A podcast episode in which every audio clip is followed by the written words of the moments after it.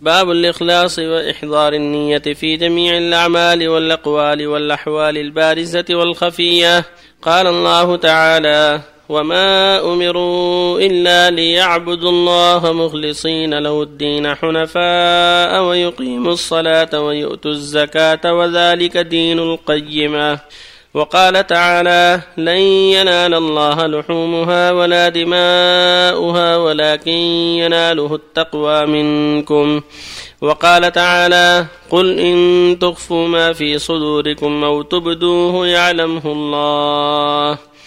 وعن أمير المؤمنين أبي حفص عمر بن الخطاب رضي الله عنه قال سمعت رسول الله صلى الله عليه وسلم يقول إنما الأعمال بالنيات وإنما لكل امرئ ما نوى.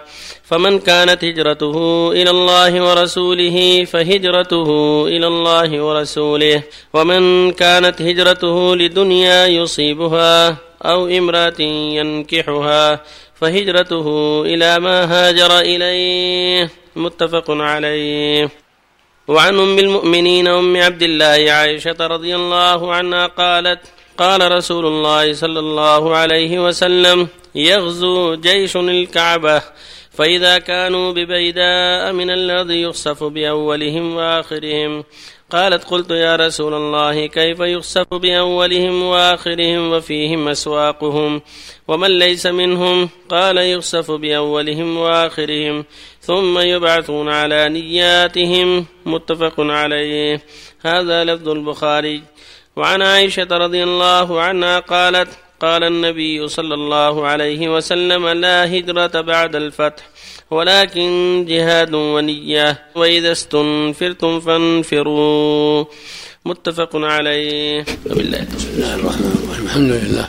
وصلى الله وسلم على رسول الله وعلى آله وأصحابه ومن اهتدى بهداه. أما بعد هذه الآيات الكريمات والأحاديث النبوية كلها تتعلق بالإخلاص في العمل وأن الواجب على كل مكلف أن يخلص لله في أعماله وأن يعبده وحده دون كل ما سواه وأن يكون ذلك على طبق شريعة محمد عليه الصلاة والسلام. هكذا يجب على جميع المكلفين أن يعبدوا الله وحده ويخلصوا له العمل على مطابقة الشريعة التي بعث بها نبيه محمد عليه الصلاة والسلام. فإن العمل له شرطان. التقرب إلى الله والعمل الصالح له شرطان. أحدهما الإخلاص لله وأن تكون النية لله. والشرط الثاني موافقة الشريعة. كما قال تعالى فمن كان يرجو لقاء ربه فليعمل عملا صالحا. يعني موافقا للشريعة. ولا يشرك بعبادة ربه احدا. ويقول جل وعلا وما أمروا إلا ليعبدوا الله مخلصين له الدين حنفاء. ويقول جل وعلا قل إن تخفوا ما في صدورهم وتبدوه يعلمه الله. ولا يخفى عليه خافية جل وعلا. ويقول سبحانه فادعوا الله مخلصين له الدين ولو كره الكافرون. فالواجب على الجميع المكلفين في أعمالهم وأقوالهم الإخلاص لله والتقرب إليه في عباداته من صلاة وصوم وحج وصدقات وجهاد وغير ذلك يجب أن يكون العمل لله وحده. يقصد به وجهه والقربة إليه وطلب ثوابه حتى يحصل الأجر والثواب من الله عز وجل وحتى تبرأ الذمة. ولهذا يقول عليه الصلاة والسلام إنما الأعمال بالنيات وإنما لكل امرئ ما نوى. فمن صلى لله فصلاته لله. ومن صلى للرياء فصلاته للرياء. وهكذا من حج أو صدق أو جاهد أو نحو ذلك للرياء فله الرياء. ومن قصد وجه الله والدار الآخرة فله نيته وله قصده. فالنية لها شأن عظيم ومقام عظيم في أعمالك يا عبد الله. الظاهرة والباطنة. فالهجرة والصيام والصدقة والجهاد والحج وغير ذلك كله يحتاج إلى النية لله. وأن تكون قصدت وجه ربك ترجو ثوابه وتخشى عقابه.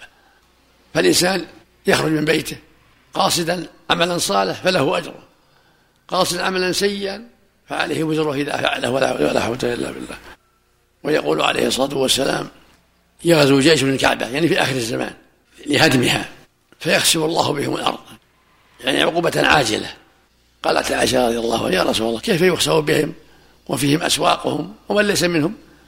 لأن عادة الجيوش إذا جاءت يأتي فيها أسواق للبيع والشراء. يأتي أناس ليسوا منهم إنما جاءوا إما للشراء أو للبيع أو للاطلاع على الجيش ليسوا منهم. قال عليه الصلاة والسلام يخسف بهم جميعا ثم يبعثون على نيته كل يبعث على نيته. اللي منهم يبعث على نيته واللي معهم وليس له نية نيتهم يبعث على نيته. هكذا العقوبات إذا عمت إذا عمت تعم الصالح والطالح. ثم يبعث كل على نيته. فالواجب على المكلف أن يحذر عقوبة الله وبأسه وأن يجتهد في إخلاص العمل لله وموافقة الشريعة قبل أن يهجم عليه أجل أو تحل عقوبة تعمه وتعم غيره. كما قال النبي صلى الله عليه وسلم إن الناس إذا رأوا منكر فلم يغيروه أوشك أن يعمهم الله بعقابه فاللفظ الآخر إن الناس إذا رأوا الظالم فلم يأخذوا على يديه أوشك أن يعمهم الله بعقابه. وقد أهلك الله أمما كثيرة. من العقوبات العامة. قوم نوح وقوم هود وقوم صالح وقوم شعيب وقوم لوط وغيرهم. أمم كثيرة. كلها أهلكت بالعقوبات العامة لما ضيعوا أمر الله واستحلوا الشرك به وظلموا عباده عمتهم العقوبات. نسأل الله العافية. فالواجب على كل مكلف أن يحذر نقمة الله وأن يبتعد عن أسباب غضبه وأن يجتهد في أداء حقه يرجو ثوابه ويخشى عقابه. وهكذا قوله صلى الله عليه وسلم من حديث عائشة لا هجرة بعد الفتح ولكن جهاد ونية. وإذا استنفرتم فانفروا يعني بعد ما فتح الله مكة على النبي صلى الله عليه وسلم لم يقع هناك هجرة منها. كان المسلمون يهاجرون من مكة إلى المدينة لأن الرسول صلى الله عليه وسلم هاجر إليها. فلما فتح الله مكة صارت بلد إسلام ولا هجرة منها. وهكذا كل بلد يهاجر منها لأنها بلد شرك. إذا أسلم أهلها صارت بلد إسلام ولا هجرة منها. ولكن الجهاد باقي جهاد ونية. جهاد في سبيل الله لأعداء الله والنية التي هي قصد وجه الله قصد إعلاء كلمات الله. لا بد من النية في الجهاد وغير الجهاد. في الجهاد يقصد بجهاده إعلاء كلمات الله. هذا هو الجهاد الشرعي. وفي أعماله الأخرى من صلاة وغيرها يقصد وجه الله والتقرب إليه. لا رياء ولا سمعة. وبهذا يحصل له الأجر العظيم والعاقبة الحميدة وفق الله الجميع صلى الله عليه المؤلف اشترط الصحة في هذه الأحاديث؟ نعم. قل المؤلف اشترط الصحة؟ نعم نعم. لكن بعد أشياء يسيرة قد لاحظ عليه بعض الشيء. هي أشياء يسيرة. لكن جميع الأحاديث على شرط أحسن الله إليك. نعم إلا بأشياء يسيرة.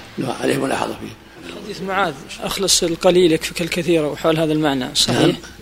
حديث معاذ رضي الله عنه اللي يقول أخلص من العمل القليل يكفك الكثير وحول هذا المعنى. ضعيف؟ لا أعرف أقول لا أعرف